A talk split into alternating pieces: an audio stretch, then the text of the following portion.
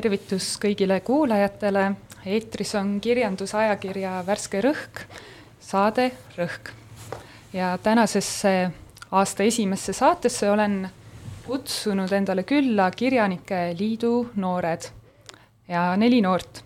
mina olen Maarja-Helena Meriste, olen Värske Rõhu toimetaja, mul on külas Reijo Roos, Liisbet Urba, Emma-Lotta Lõhmus ja Elizabeth Heinsalu ja meil on olnud üksjagu saateid Rõhus, kus noored autorid loevad oma tekste, aga täna ma kutsusin enda külalised lugema selliseid tekste, teiste autorite tekste, mis on neid kuidagi puudutanud, neile kuidagi märgilised olnud või siis kuidagi naha vahele pugenud, nii et meil on täna selliste inspireerivate tekstide saade. ja ega siis muud, kui et alustame ma annan esimesena sõna Reiole. jaa, aitäh ähm,.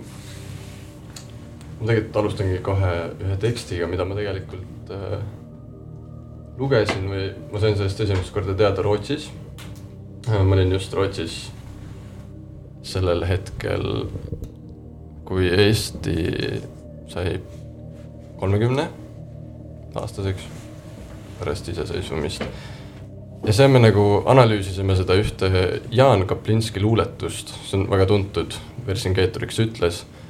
ja see oli lihtsalt kuidagi väga ilus moment, kus me Aho ja Hain Rebasega äh, analüüsisime seda teksti ühel õhtul koos Eesti noortega seal kuskil Rootsi teises nurgas. ja üldse Kaplinski looming mulle väga meeldib. aga see luuletus kõlab niimoodi Vercingetorix ütles. Caesar, sa võid võtta meilt maa, kus me elame, aga maad, kus me surime, ei saa meilt võtta. viskasin mõõga sulle jalge ette, nii olen mina, nii on mu rahvas. ma tean, mis tuleb. kõik, kes Arvernide maal väärisid elu, ei ela enam ja nendega, kes jäid, ei taha mina elada. tean ja näen neid juba õppimas isandate unustamas isade keelt. näen neid häbenemas oma siniseid silmi, oma vanemaid ja karedat kõnet. näen neid roomlastena kodanikukirjad põues. olgu siis, imperaator, üle su vabariigi üks keel, üks usk ja üks rahvas. olgu su sõdureil, kaupmeestel ja sulidel tohutu tasane tee, Ultima tuuleni ja Stüksini välja. mind pekstakse Kapitooliumil surnuks aga mu armastust ja viha ei saa surmata. mu viha jääb alles, öökullina aastate õõnde huikama hukku sulle ja su täitmatule linnale, Caesar. karistus tõuseb kui tamm su oma tahtmiste tõrust. sinu riik tuleb ja läheb, väljakuil kasvab nisu ja foorumil söövad kitsed. see on minu ja mu tapetud rahva käsi, mis rabab. minu käsi vandaalide mõõgaga tuleb tund ja roomlase kõrkus kõrki painutada ei jõua sõjatee vahel. tuleb tund ja Rooma aplus latsatab lõhki kui puuk idast ja põhjast ja lõunast tulnute rusikate all. tee siis, mis teed ja tahad. ma tean, mind ootavad matar ja mõõk, sest kõik, kes väärisid elu Arvernide maal, ei ela enam. aitäh sulle Emma, kas sa loeksid meile järgmiseks oma valitud teksti ja räägi, mis sa valisid ja miks? jaa äh,, tere ma loen teile siis ühe väikse lõigu äh, Andrei Ivanovi äh, Untersmensch äh,, minu lõhkekistud osa äh,, mis ilmus aasta, eelmise aasta alguses äh, Loomingu Raamatukogus ähm,. ja, ja ma kuidagi väga tundsin ennast selles äh, või noh, miski selles tekstis väga äh, haakus minuga või ma tundsin ennast kuidagi väga selgelt ära mõnes äh,, mõnes asjas ja jah, ma siis loen ühe äh, katkendi. kui raha pole, muutub mis tahes pisiasja soetamine piinaks, mis lõpeb Porfiri Petrovitši ilmumisega. sest sa seisad pikalt, murrad pead, tekitades endas närvipinget ja vereseiskumist. siin võib ka haavand välja lüüa sa oled tige, kõheled, otsid kompromissi, kompromiss eeldab sinu languse lõputuid variatsioone ning lõpuks sa langed. ostad rämpsu vaevumata proovikabiini minemagi. sa ei taha ennast peeglist näha riietud kinnisilmi mõnikord ma ei oska öelda, mis mul seljas on. kisun pimedas kellegi rõdul suitsu ja küsin iseendalt. nii, ütle nüüd kohe vaatamata, mis sul seljas on. sulen silmad, mõtlen ja ei suuda meenutada. aga hiljem, lõpetanud suitsu, ma unustan ära. ei mõtle rohkem sellest, ükskõik, ütlen ma, mis tähtsust sel on. ja selline seisund on minu kodu, harjunud olek, see olen mina. mõni teine ei suudaks niimoodi elada mõni teine ei suudaks ennast niimoodi vihata ja piinata, nagu seda teen mina, aga mina suudan. see-eest ei suuda mina rahaka ja edukana iseendaks jääda. aga mõni teine suudab vabalt. Ta tuleb eduka ja rahakana endaga väga hästi toime, ostab õigesse kohta hea maja, investeerib raha, kuhu vaja, leiab õiged inimesed, kellega ajab mingit äri, seaduslikult ja turvaliselt, ühesõnaga tabab märki ning on seejuures täielikus harmoonias nii iseenda kui ka oma loova natuuriga. ei riku teda raha ega edu. kuid see ei ole minu saatus. mina niimoodi ei suudaks, ma teeks oma margi täis, ma hukutaks ennast kuidagimoodi. Anna mulle raha ja küll ma välja mõtlen, kuidas ennast hukutada. seetõttu tänan oma saatust, et ta mind hoidnud on. aitäh sulle.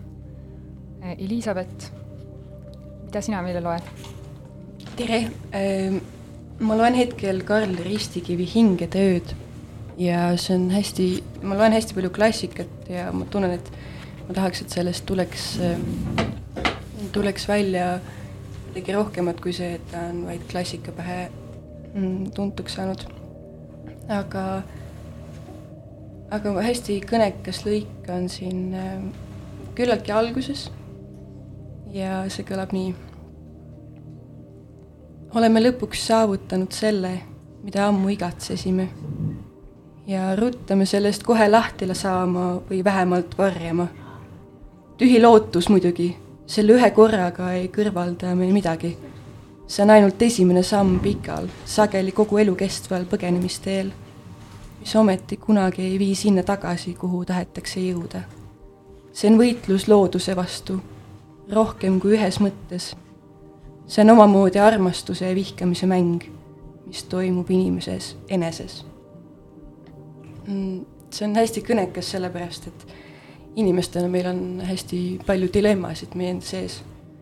ja, ja see kõne on, kõnetab mind ka loomingu perspektiivist, et, et tihti on selliseid tõuse ja mõõnu ja, ja me kogu aeg ihaldame kuidagi jõuda nende tõusudeni ja siis, kui me lõpuks oleme saavutanud selle, mida igatsesime, siis me tahame sellest kuidagi hästi palju võtta ja ruttame sellest kiirelt mööda ja väikestest hetkedest elus ka. et, et võiks rohkem kohal olla.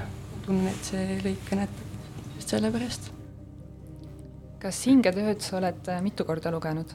ei ole, aga, aga võiks. ma arvan, et see erinevatel perioodidel kõnetab ka erinevalt aga keegi just ütles, et see on hästi talveraamat, et seda tuleb lugeda sellises talve sombuses öös. Ja. ja ma olen nõus ja ma küsisin ka seda mitu korda lugemist just selle tõttu, et Hingetöö on ka üks neid raamatuid, mis minu meelest iga kord kõnetab, aga iga kord hästi erinevalt, et see on nii kihiline, et äh, kahe aasta pärast loed uuesti ja leiad midagi täiesti uut ja rabavat enda jaoks ja samas siin ei ole otseselt tegevust, vaid see on hästi palju on ka sellist mõttemõlgutust. Et, et ta kõnetab just sellistel aegadel, mis sul endal kuidagi aktuaalne on. et tulevad alati mingid uued, uued mõtted, et ma otsisin ka siit mingit teksti ja, ja siis äh, igalt poolt võis leida midagi, mis äh, kõnetab ja.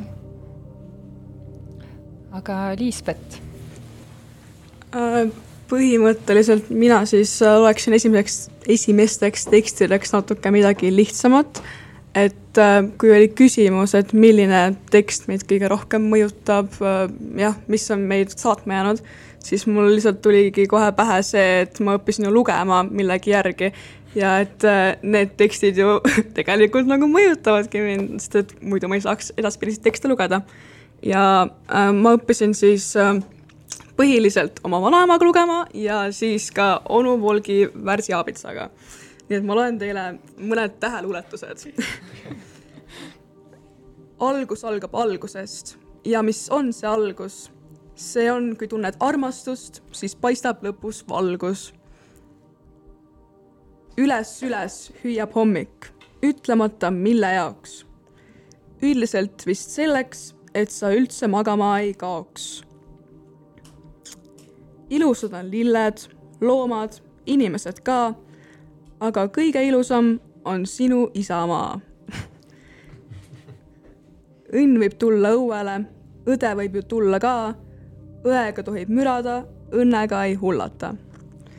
Ja ma ei tea, kuidagi hästi huvitav oligi see, et meil kõigil jäid need tekstid hästi ruttu pähe ja siis kogu aeg lugesime neid ja nüüd ma ei tea mitu,, mitu-mitu aastat hiljem on mul ka ikka mõned tekstid peas ja ma arvan, et see lust kuidagi ja lihtsus, see on nagu saatma jäänud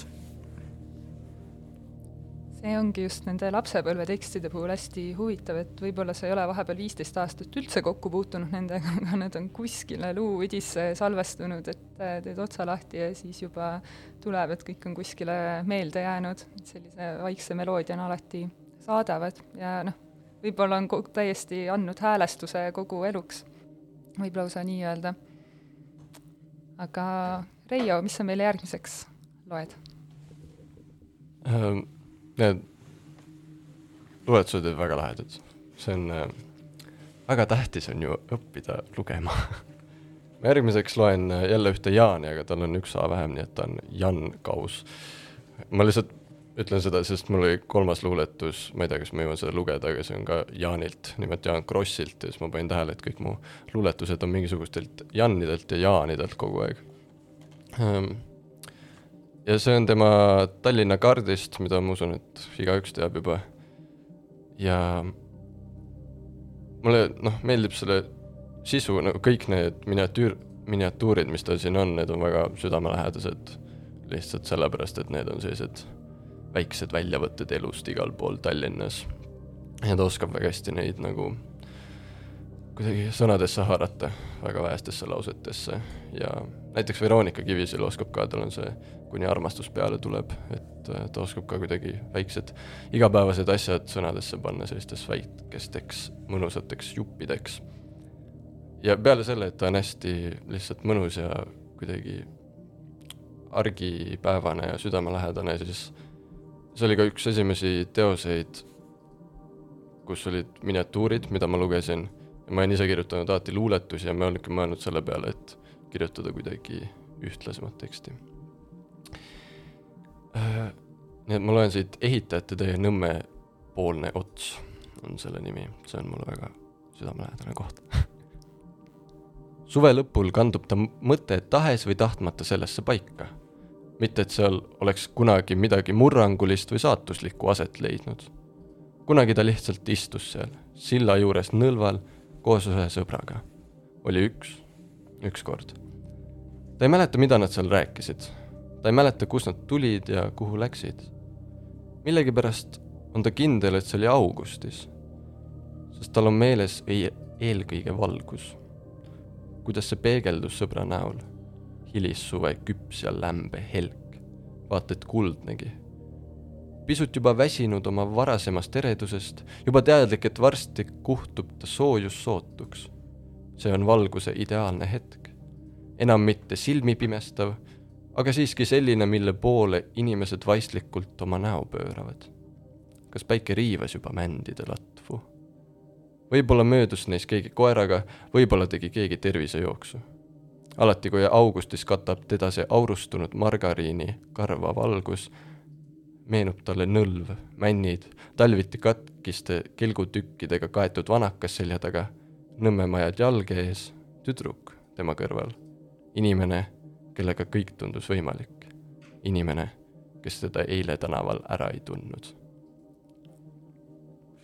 ja mulle meeldib just selle puhul see, kuidas mina kirjutasin väga selliseid metafooririkkaid ja arusaamatuid luuletusi, aga siis tuli tema ja kirjutas lihtlausetega sellise asja, mis kuidagi väga kõnetas. jah, ja sa tõid ka päris niisuguse minu meelest tähtsa asja välja siin enne lugemist, et et sa olid enne alati ühtviisi kirjutanud ja siis autor näitas sulle, et nii võib ka kirjutada, et see on minu meelest hästi niisugune noh, minul enda jaoks olnud hästi suur mõju, et mõni kirjanik vahest näitab seda, et noh, vormi mõttes, et kuidas võib ka kirjutada, aga see on ka ju suuremas, laiemas plaanis, kuidas võib üldse mõelda, kuidas võib olla, kuidas võib äh, tunda. ja see avab iseendas ka mingeid selliseid uusi võimalusi. Jaa, ma, kusjuures eelmine aasta ma tegin väga sihipäraselt üks periood seda, et ma võtsin luulekogu, ma lugesin läbi ja siis ma kirjutasin täpselt tema nagu stiilis ja proovisin nagu mõelda samamoodi nagu see autor ja see oli väga nagu avardas mu oskusi. jah, see on väga hea niisugune kirjutamisharjutus ja millegipärast seda nagu sageli ei taheta omaks võtta või tundub, et eriti noore autorina, et peab kohe jube originaalne olema, et teiste jäljendamine on kuidagi nõme, aga selliseks käeharjutuseks ma olen ise ka soovitanud noortele autoritele, et võta mõni tekst, mis sind ennast kõnetab ja proovi seda jäljendada kirjuta nii kaua, kuni sa tunned, et sa oled näiteks saanud samasuguse tooni või mingi samasuguse võttestiku kätte, et see on lihtsalt selliseks käeharjutuseks ja siis sa noh, näed, mis su enda käest võib tegelikult äh, välja tulla. et kirjutamine on ka ju mõnes mõttes käsitööoskus ja kust mujalt õppida kui meistritelt. täpselt. Emma, kas sa jätkad?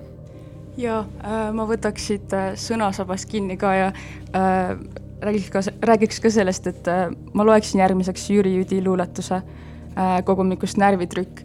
Ja tema luuletustega on mul ka alati niimoodi, et äh, et kui ma loen, et siis äh, pärast seda ma kirjutan täpselt kuidagi samas rütmis ja tema on kindlasti väga nagu sügavale istutanud minu sisse selle äh, riimiluule armastuse seemne, et mulle väga meeldib äh, just, ma arvan, tema mõjutusel riimluulet kirjutada ja siis, kui Liisbet siin luges enne neid äh, lapsepõlveluuletusi, siis mul tulid kohe äh,, kohe tulid kuskil aju, ajusopist meelde ja nagu hakkasid kaasa lugema ja siis võib-olla teine autor ongi noh, Jüri Üdi ka, et tema mingid sõnad või kordused või sellised äh, rütmid äh, tulevad ka vahel hästi ei kusagilt mulle pähe. aga ma praegu loeksin siis ühe luuletuse, mille ma tegelikult avastasin üpris äh, hiljuti. nüüd on mul selge, miks ta minust loobus. mu naerus oli nuttu üleliia. päe õlgadel kui pimedate gloobus, mis tuleks pooleks saagimiseks viia. sai selgeks seegi, mida vaevalt usud, et ühte imet usun nimetut, et templid sama kaunid on kui rusud et igas tulekus on minekut. et igas surmas sama palju sünde, kui meres vett ja taevas saladust. et noores elus sama vähe sunde, kui elus mõtet, kivis armastust. ta loobus siis, kui kõik jäi tema kanda.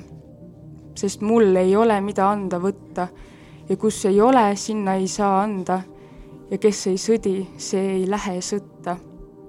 Hää küll, ma lähen, olen nagu udu ja laskun vihma, lume, rahena. ei tule armastusest iial puudu, sest kes on üks, on üks ka kahena. siia vahepeale kuulame nüüd natuke muusikat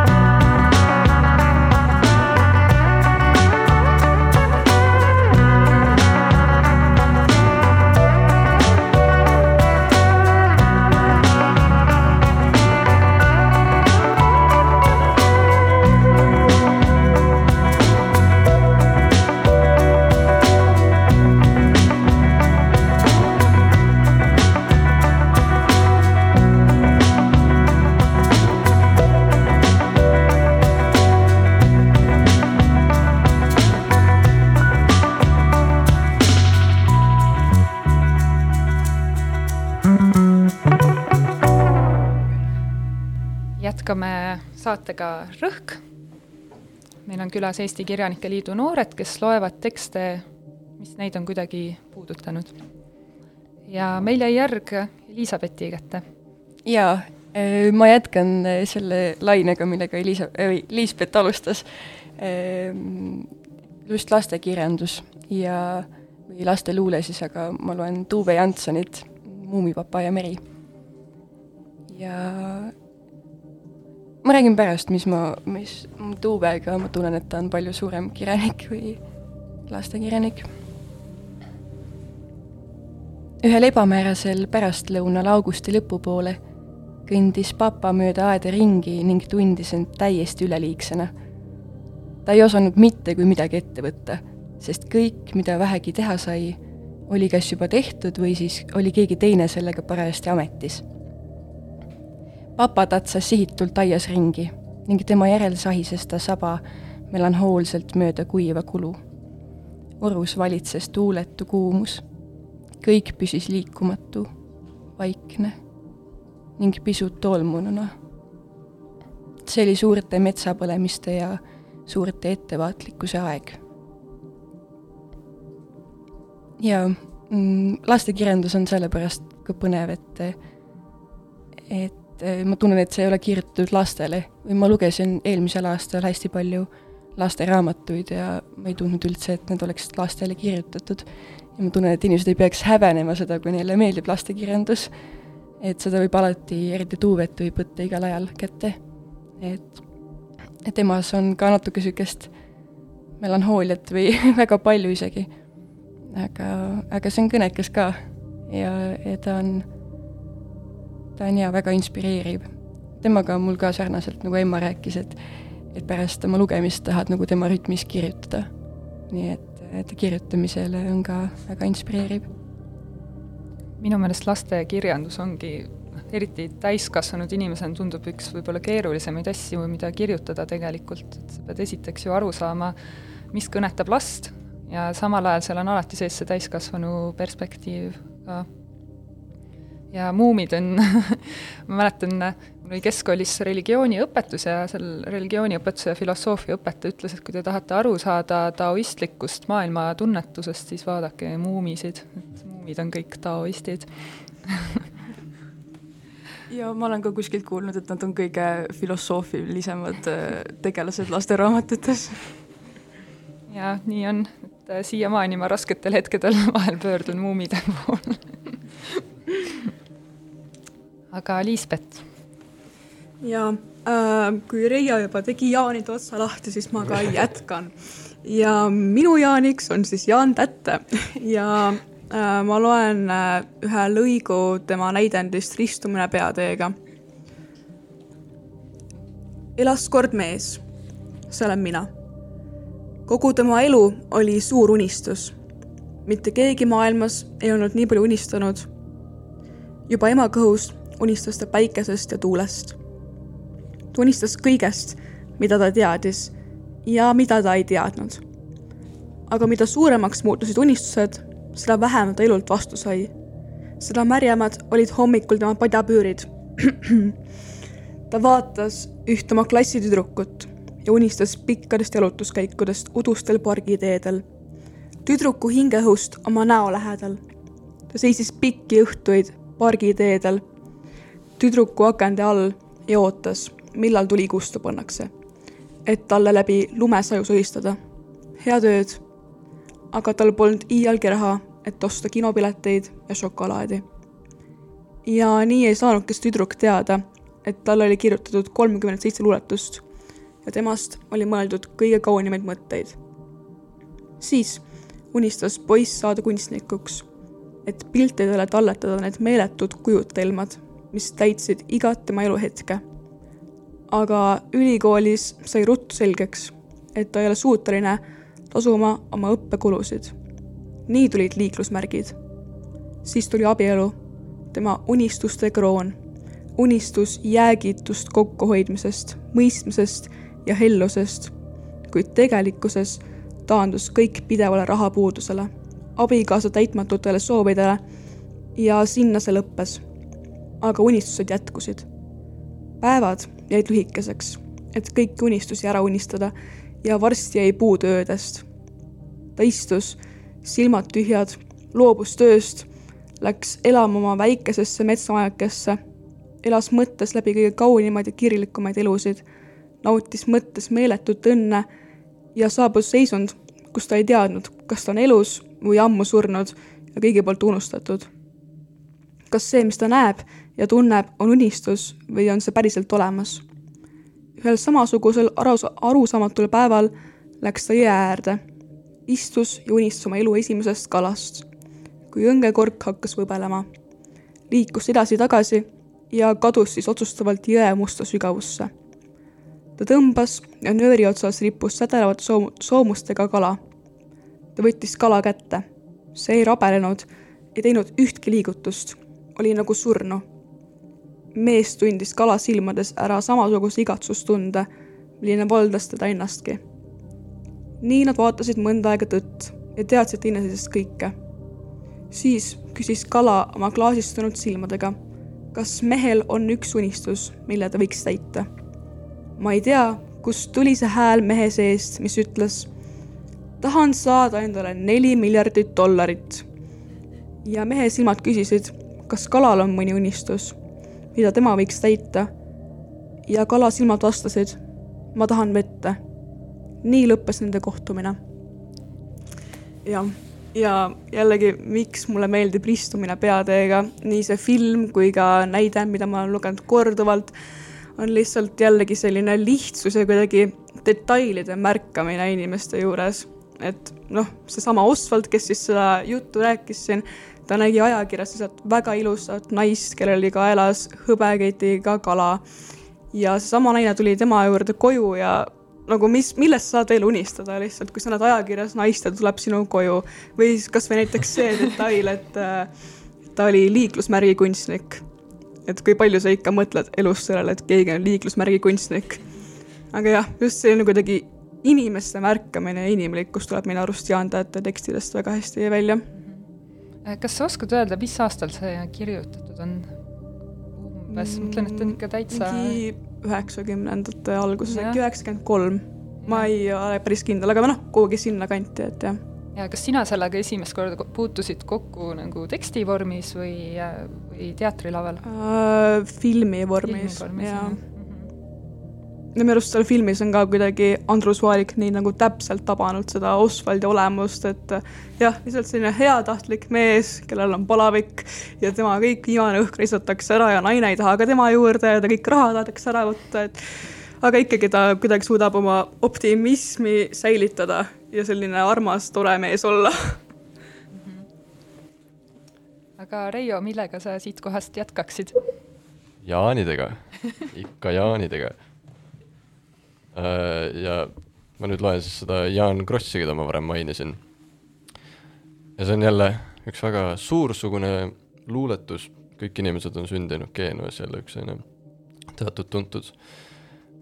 mulle lihtsalt nende suursuguste luuletustega meeldib just see, kuidas need Jaanid on suutnud nii hästi tabada nagu mõne väga suure teema ja siis panna selle kuidagi kuhugi metafooride taha ja teha sellest mingi lugu, mis ei ole nagu piinlik, sest tavaliselt, kui sa kirjutad mingisugustest suurtest asjadest, see kukub väga piinlikult välja ja niimoodi üldsõnaliselt ja siis seda on niimoodi rõve lugeda.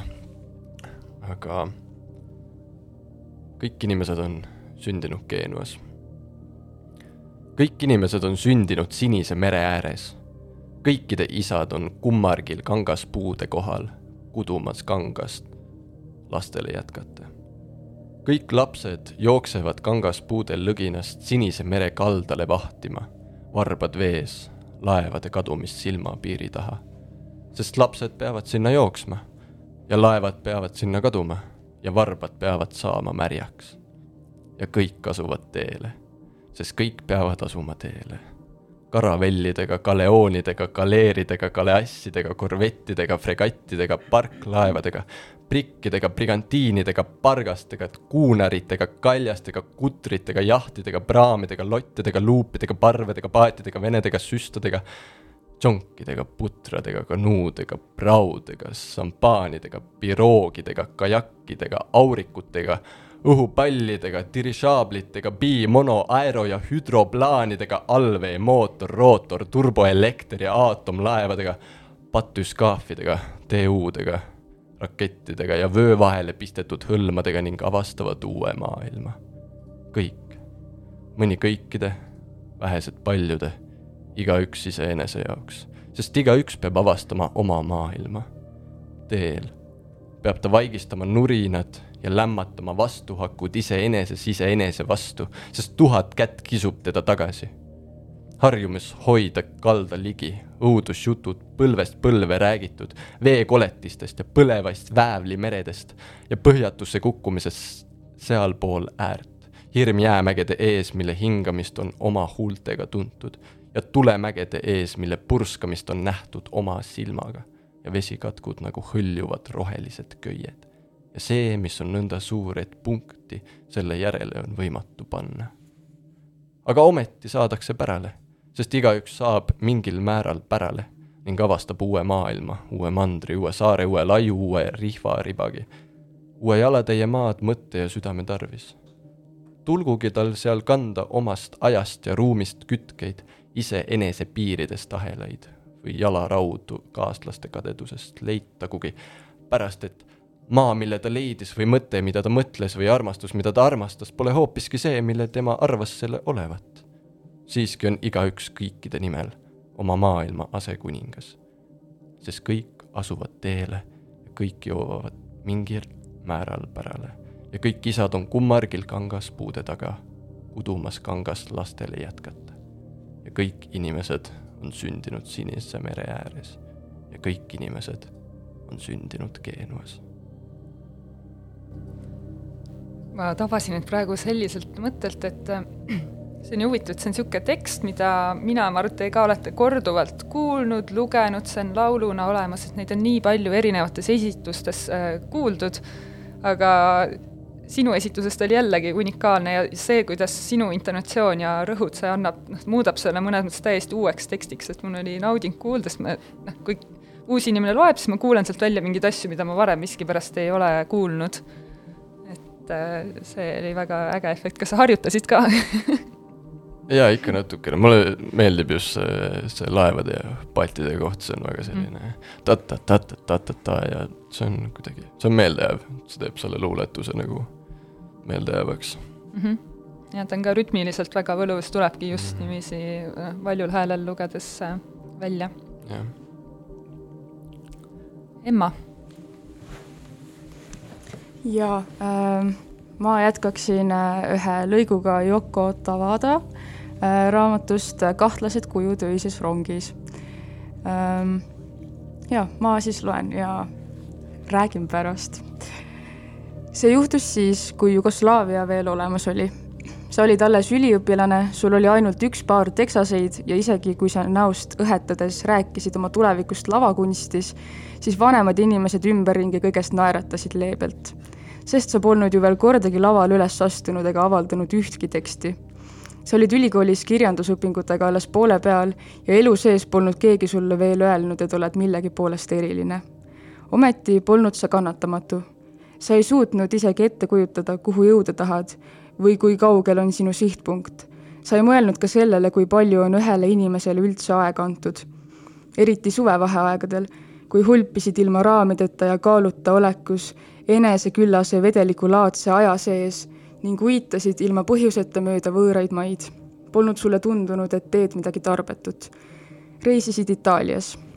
Rooma olid kogunenud täpselt ühesuguste seljakottidega noored kõigist maailma kapitalistlikest riikidest ja nad tervitasid üksteist nagu vanad klassikaaslased. võis juhtuda, et läksite mõnele väljakule, toetasite end purskkaevu äärele ja ajasite seosetut loba või siis tuli jutuks, et peaks pastat sööma minema ning te jalutasite kambakesi restorani otsides linnas ringi, kuni viimaks selgus, et hinnad olid sisseastumiseks liiga kõrged ning te ostsite hoopis pisikesest poest leiba ja vett ning tegite sellest oma söömaaja. kõik tundsid, et on sarnases olukorras. Te kõik uskusite millegipärast, et sõda on vastik ja reisimine mõnus ning tajusite ähmaselt, et teid ühendab raha puudumine ning see, et pole veel ei töökohta ega perekonda aga tagantjärele paistab, et pigem ühendas teid hoopis see, et teil oli raha. sest oluline polnud mitte kogus, vaid see, kas seda raha üldse oli, sest siis oli võimalik seda mõne teise riigi valuuta vastu vahetada ähm,. Ähm, mulle esiteks on minu arust hästi huvitav, sest et see on sina vormis äh, ja sa justkui tunned, et, et sina mõtled neid mõtteid ja just eriti see lõik, et sest see nagu ühtib väga äh, kuidagi minuga jällegi. ja mulle väga meeldib selles äh, äh, lõigus ka see äh, nagu selline olesklemise äh, tunne, et äh, kuidagi viimasel ajal üldse maailmas on hästi tähtis see, et et sa pead olema produktiivne või et sa pead kogu aeg midagi tegema või kuhugi jõudma või olema edukas. et see on äh, just selline äh, viis selles tekstis, mis, mis mulle äh, sümpatiseerib rohkem või noh äh,, selline äh, mitte selline pidev äh,, pidev millegi poole pürgimine, et muidugi seda tuleb teha vahetevahel, aga äh, ja see on väga ilus ja üldse see, siin raamatus on selline rongi motiiv, et see tegelane reisib rongiga läbi äh, hästi paljude maade ja mulle kuidagi meeldib see väga ka. üldse rongiga sõita mulle ka väga meeldib. Jaa, kusjuures see sina vorm on hämmastavalt võimas vahend kirjanduses üldse noh, tegelikult kõnes ka, et kui inimene räägib iseendast, aga siis ühel hetkel vahetub sina vormile, siis kuidagi see poeb niimoodi naha vahele, et noh, ongi nagu räägiks minust. ja ma olen tähele pannud, et mõned niisugused, kuidas ma ütlen, rohkem teadlikult stiiliga mängivad autorid kasutavadki seda väga teadlikult, et võib nagu näiteks keset monoloogi mina perspektiiv muutuda sinaks. ja jah, see on päris niisugune võimas vahend aga laseme vahelduseks kõlanud tekstidel imbuda kontidesse ja kuulame muusikat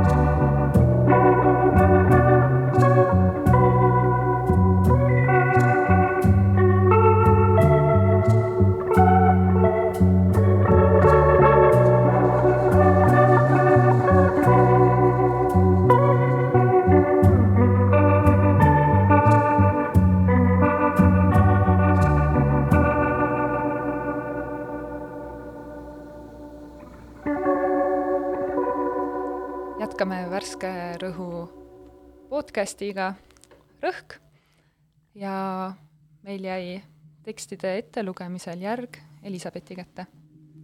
ja hoiame Eesti klassika lippu kõrgel ma ükskord kohvikus leidsin lihtsalt ühe Tammsaare novellide ja miniatuuride kogu. ja ma ei teadnud, et tal see isegi on, see oli hästi vana köidega ja, ja siis sellest äh, on üks miniatuur, mis mulle silma jäi Tammsaarelt. Ööbik ja lilled. ilusal kevadel laulis Koplis ööbik. samal kevadel hakkasid seal ka lilled õitsema ja kui ööbik neid ilusaid lilli nägi, mõtles ta. Nad õitsevad ainult sellepärast nõnda ilusasti, et mina laulan ja ööbik laulis veel ilusamini. aga lilled, kes ööbiku laulu kuulsid, mõtlesid, ta laulab ju ainult sellepärast nõnda ilusasti, et meie õitseme. ja nad õitsesid veel ilusamini. see on hästi lihtne ja hästi kõnekas, sest et ma tunnen, et igal inimesel on ka nagu sellel ööbikul ja lilledel on mingi oma tee, et kõik ei saa ühte asja teha ja sellises ühises ühiskondlikus sümbioosis saab see kõik toimida. et kui üks teeb üht, siis see toetab ka teise, ähm, teiste inimestega siis loomingut või see ei pea ainult loomingus olema, vaid üleüldiselt ühiskonnas inimestega toimides on hästi oluline, et kui kõik äh, teeksid ainult ühte asja, siis selline erinevus, erinevus hajub. Ja ja muidu see on ka inimperspektiivist on see jälle ka selline paradoksaalne, et, et me inimestena arvame võib-olla, et, et meile see, mida me teeme, on see kõige õigem ja et teised saavad sellest väga palju või see on selline irooniline ka või selles on see Tammsaare iroonia, mis on hästi tegelikult väga tabav alati, aga see on kuidagi peidetud ridade vahele. aga muidu selline puht tekstina ta on hästi hästi lihtne ja ilus.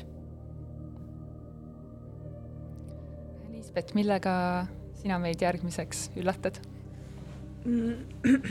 minu selline viimase aja, äh, no mitte päris viimase aja, aga ütleme, viimase aja lemmik on Heiti Talvik ja ma avastasin tema ka kuidagi suht kogemata. ehk siis äh, ma loen paar luuletust temalt ka. oli sügis, auras udurähma tulin kõrtsist, päätäis õlleähma. tühjas pargis tummalt seisid puud, olid kõledad kui roiskund luud. lehtel liuglevat veel nägin uttu. Mutta kontsaga ma lõin ta ruttu. mutta kontsaga ja nutsin siis, nutsin, kuni politsei mu viis. see on õhtumaa hing kui ta teisi ei söö, ei lahka, pöördub ta tagasi ning iseenese pistab nahka ja üks hambutu vanapiiga mind unest allas ja rõhus. Kas olen ehk suitsetanud liiga või on mul ussid kõhus? on stükike jahukäkki, mis magada mind ei lase või äkki ma salmikuist jälle rase. ja mulle jah, Heit Talviku puhul meeldivadki tema sellised kujundid ja kuidas ta kirjeldab asju nii tabavalt ja lõbusalt.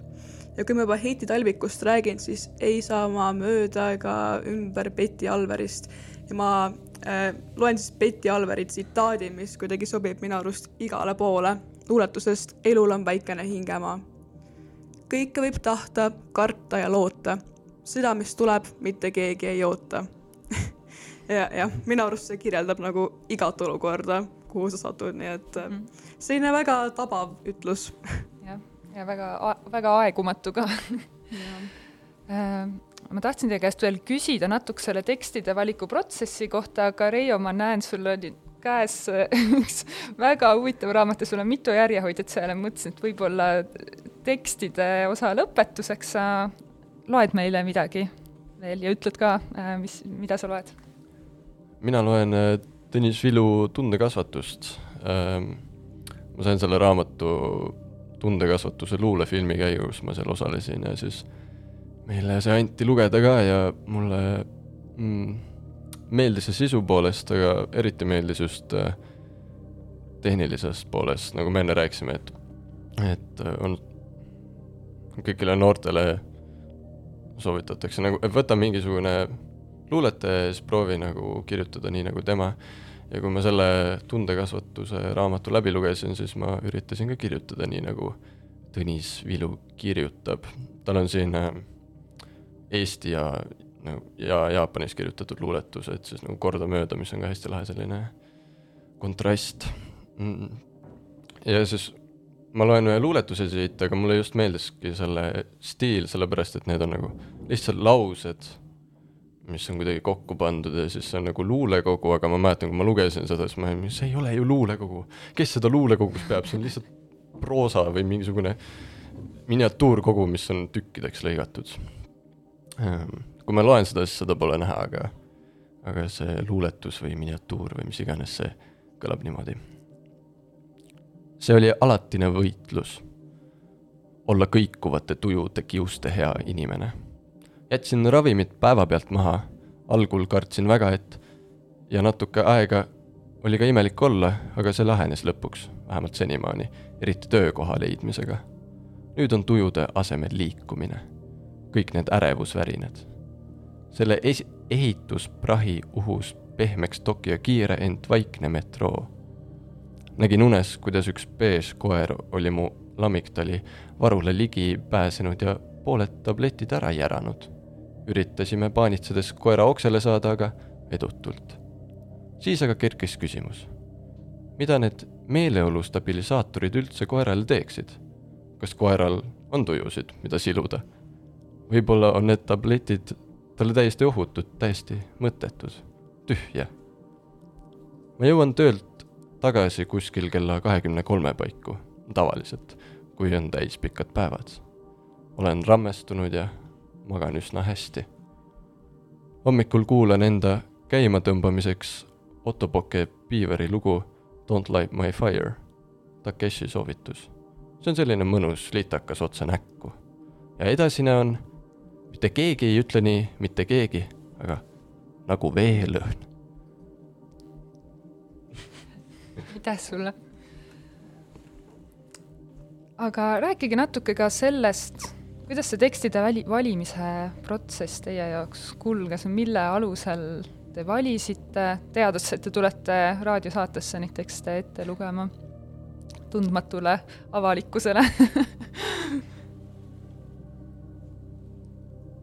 noh minu jaoks, see, tavaliselt sa ei mõtle selle peale, et mis sind inspireerib. ja ma hakkasin sellele mõtlema ja siis ma sain aru, et näiteks üks asi, mis mind inspireerib peale nende luuletuste ja tekstide, mis on sisult väga tabavad või suuremeelsed minu puhul, siis mulle meeldivad just need, mis on tehniliselt väga teistsugused kui selline näiteks tavaline riimluule või vabavärss, et mis on kuidagi väljanägemiselt olnud äh,, laiendanud minu mingit luule kirjutamise oskust. jaa, minul on, ma valisin hästi palju klassikat, mis on äh, huvitav, sest ma üldse ei plaaninud seda teha, ma tahtsin võtta midagi, mida tegelikult väga ei teata, aga aga see kuidagi juhtus nii ja siis ma mõtlen, et et mind kuidagi väga kõnetab ka selline aegumatu kirjandus, just oli ka korraks, mingi hetk oli siin juttu sellisest ajatust, ajatutest lausetest või et, et ma tunnen, et jaa, et klassika on nagu ajati ajatu ka, et see saab kõnetada võib-olla sellepärast ka, et et sa võtad selle kusagilt lahti ja, ja siis ta kõnetab juba. et ma arvan, et lihtsalt see, mis hetkel kõnetas, tuli kaasa ja juhuslikult oli see Tammsaare ja Ristikivi ja Tuve Janson, et see on, see on mingi paradoks vist lihtsalt. aga, aga see oli põnev ikka või, jah. aga midagi uut võiks ka lugeda vahelduseks äh, ma olen kusjuures just hoopis äh, päris palju mõelnud sellele, et mis mind inspireerib ja ma olen kuidagi tabanud sellise äh, mustri, et mulle tohutult meeldivad teosed, mis on kuidagi pöörased või nagu jaburad või sellised, mis ei räägi päris elust või sellest, mis nagu mis äh, peaks olema või, või milline on kuidagi see maailm meie ümber, vaid äh, mulle just hästi meeldib otsida tekstist äärmuseid ja äh, ma siin lappasin ka Tšehhovit näiteks ja, ja minu meelest äh, tal näiteks on see, et nende tegelaste elud on tegelikult nii traagilised ja kui sa hakkad mõtlema, et siis on kõik nii kurb ja nii äh,, nii suurejooneline ja õudne, aga samas on kohutavalt naljakas mu meelest ja nii nagu nii tore kuidagi ka, et mulle just hästi meeldib selliseid äh, äärmuseid ja pöörasusi ja noh, nagu jaburaid mingeid eluviise või mingeid jaburaid tundeid, mida nagu justkui ei tohiks tunda või mis ei ole sellised tavalised tunded, et selliseid asju leida tekstist, et see minu arust väga äratab ellu teksti ja minuga kui lugeja. ma nõustun Emmaga, et mind ka hästi kõnetavad sellised jaburad tekstid ja ma ei tea, mida veidramad tegelased, seda parem. ja no tegelikult need kõik tekstid on minuga nagu kaasas käinud, need on juba minu sõnavaras, nii et see kuidagi küsimus leidis väga kiirelt vastuse minu puhul. Mm -hmm ma olen nõus, et ma olen ka enda jaoks hiljuti avastanud just äh, noh, võib-olla uuesti avastanud sellise absurdi võlu või igas mõttes üle võlli mineva kunsti võlu. et see on ju mõnes mõttes väga vabastav, sest see ju lükkab oma reaalsuse piirid kuidagi äh, valla ja annab võib-olla mingi täiesti teise vaate mingile asjale, mida muidu vaatad kuidagi hästi kindlal viisil äh,. aga mul oli veel üks küsimus, mis tahtis äh, meelest ära minna. kas teil on endal veel lõpetuseks midagi öelda? no me peame ikka oma reklaamipausi ka siia tegema, sest ega me ju nalja pärast Kirjanike Liidu noored ei ole. Äh, kirjanike Liidu noored, me väga ootame ähm, uusi, noh, mitte liikmeid, aga lihtsalt inimesi, kes tuleks meile koha peale külastama, vaatama, mis me teeme ja mis me teeme, on see, et iga neljapäev me saame kokku, neid kutsutaksegi noorte neljapäevadeks. Ja Kirjanike Majas saame kokku, seal on üks Faatumi tuba. Ja seal on meil iga neljapäev siis üks selline mõnus õdus kirjandussündmus. meil on käinud erinevaid külalisi. Ja vahepeal me teeme ka omakeskis sellist kirjutamist, arutamist, lugemist, mida iganes me ise teha tahame, nii et sinna on kõik väga oodatud praegu meil on küll äh, veel puhkus, nii et järgmine või siis selle aasta esimene peaks tulema kolmeteistkümnendal vist või noh, mis iganes järgmise nädala neljapäev on mm. -hmm. ja lisainfot saab siis äh, kirja, Instagramis Kirjanike Liidu noorte alt ja Facebookist ka Kirjanike Liidu noorte nime alt kas te oma kokkusaamistel ka, ah, see viimane küsimus, mille ma ära unustasin, oli ka tegelikult jagamise kohta, et äh, tahtsin küsida selle kohta, et kui te loete midagi, mis teid tõsiselt inspireerib või puudutab või on kuidagi äge, mis te siis teete sellega, et kas lihtsalt joonite iseendale välja, kirjutate märkmikusse ülesse äh, või on teil ka keegi, kellega seda jagada ja kas te näiteks oma kokkusaamistel jagate lugemiselamusi ähm.? Me veel ei ole teinud sellist neljapäeva, aga äh, me oleme mõelnud, et võiks äh, küll teha niisuguse päeva, kus me räägime oma lemmikraamatutest või nendest äh, lugemiselamustest, mis meile on meelde jäänud, nii et ma arvan, see on tulemas kindlasti. Ja ma ise ütleksin ka, et ma kuidagi alati tahan jagada neid asju, ma tahan endast välja nagu noh, et jagada ja öelda ka teistele, et mis tundeid need minus tekitavad, et vahepeal ma tunnen, et, et ma olen kuidagi ülevoolavalt äh, ekstaasis selles tekstis, mis ma lugesin ja siis, kui teine ei jaga seda rõõmu või seda tunnet, siis noh, mis on loo-, loomulik, sest et ta ei ole võib-olla seda lugenud, et siis äh, äh, on selline natuke tühi, aga samas äh, see on minu mõelus, minu meelest täiesti äh, normaalne ja. ja sa küsisid, et mis me siis teeme, kui on midagi väga inspireerinud. ma tunnen, et, et siis sa nagu mm, ma ei tea, kuidas see eesti keeles on, drive'id nagu sellesama õhkkonna peal mitu päeva näiteks või, või tükk aega lihtsalt näed kõike maailma selle kas või kirjaniku pilgu läbi ja see on äh, hästi äge jaa. Mul on veel see ka, et tavaliselt ma võtan need luuletused, hakkan neid niimoodi kas alateadlikult või väga teadlikult enda loomingus kasutama. näiteks seesama Kaplinski luuletus, mis ma alguses lugesin, siis sealt see Tuonela ja Vercingetorix ja Caesar, et seda ma olen kasutanud enda tekstides ka ja see, see kuidagi paelub mind väga, kuidas nagu looming läheb alati edasi ja see nagu kultuur nagu lihtsalt läheb edasi, sa võtad neid tükke ja paned, teed oma mingisuguse pusle kokku. sama asi on ka Krossi luuletuste ja paljude teiste, kes on mind inspireerinud jah, see on tegelikult väga hea point, et ma alguses mõtlesin jagamise peale rohkem, noh, ongi nii, et konkreetselt näitad kellelegi seda teksti, et loe seda, aga mõnes mõttes tekst ju elab edasi, sa ei pea ju andma otseselt kellelegi mingit tsitaati lugeda, vaid eh, võib-olla see sinu seisundis eh, olekus su oma tekstides, tegemistes tegelikult juba kandub edasi. aga sellisel noodil me tõmbame siis oma saate otsad tänaseks kokku. tänan kõiki kuulajaid ja tänan väga meie külalisi, Kirjanike Liidu noori. järgmine Rõhk on eetris juba kuu aja pärast. Kuulmiseni! aitäh! aitüma! Thank you.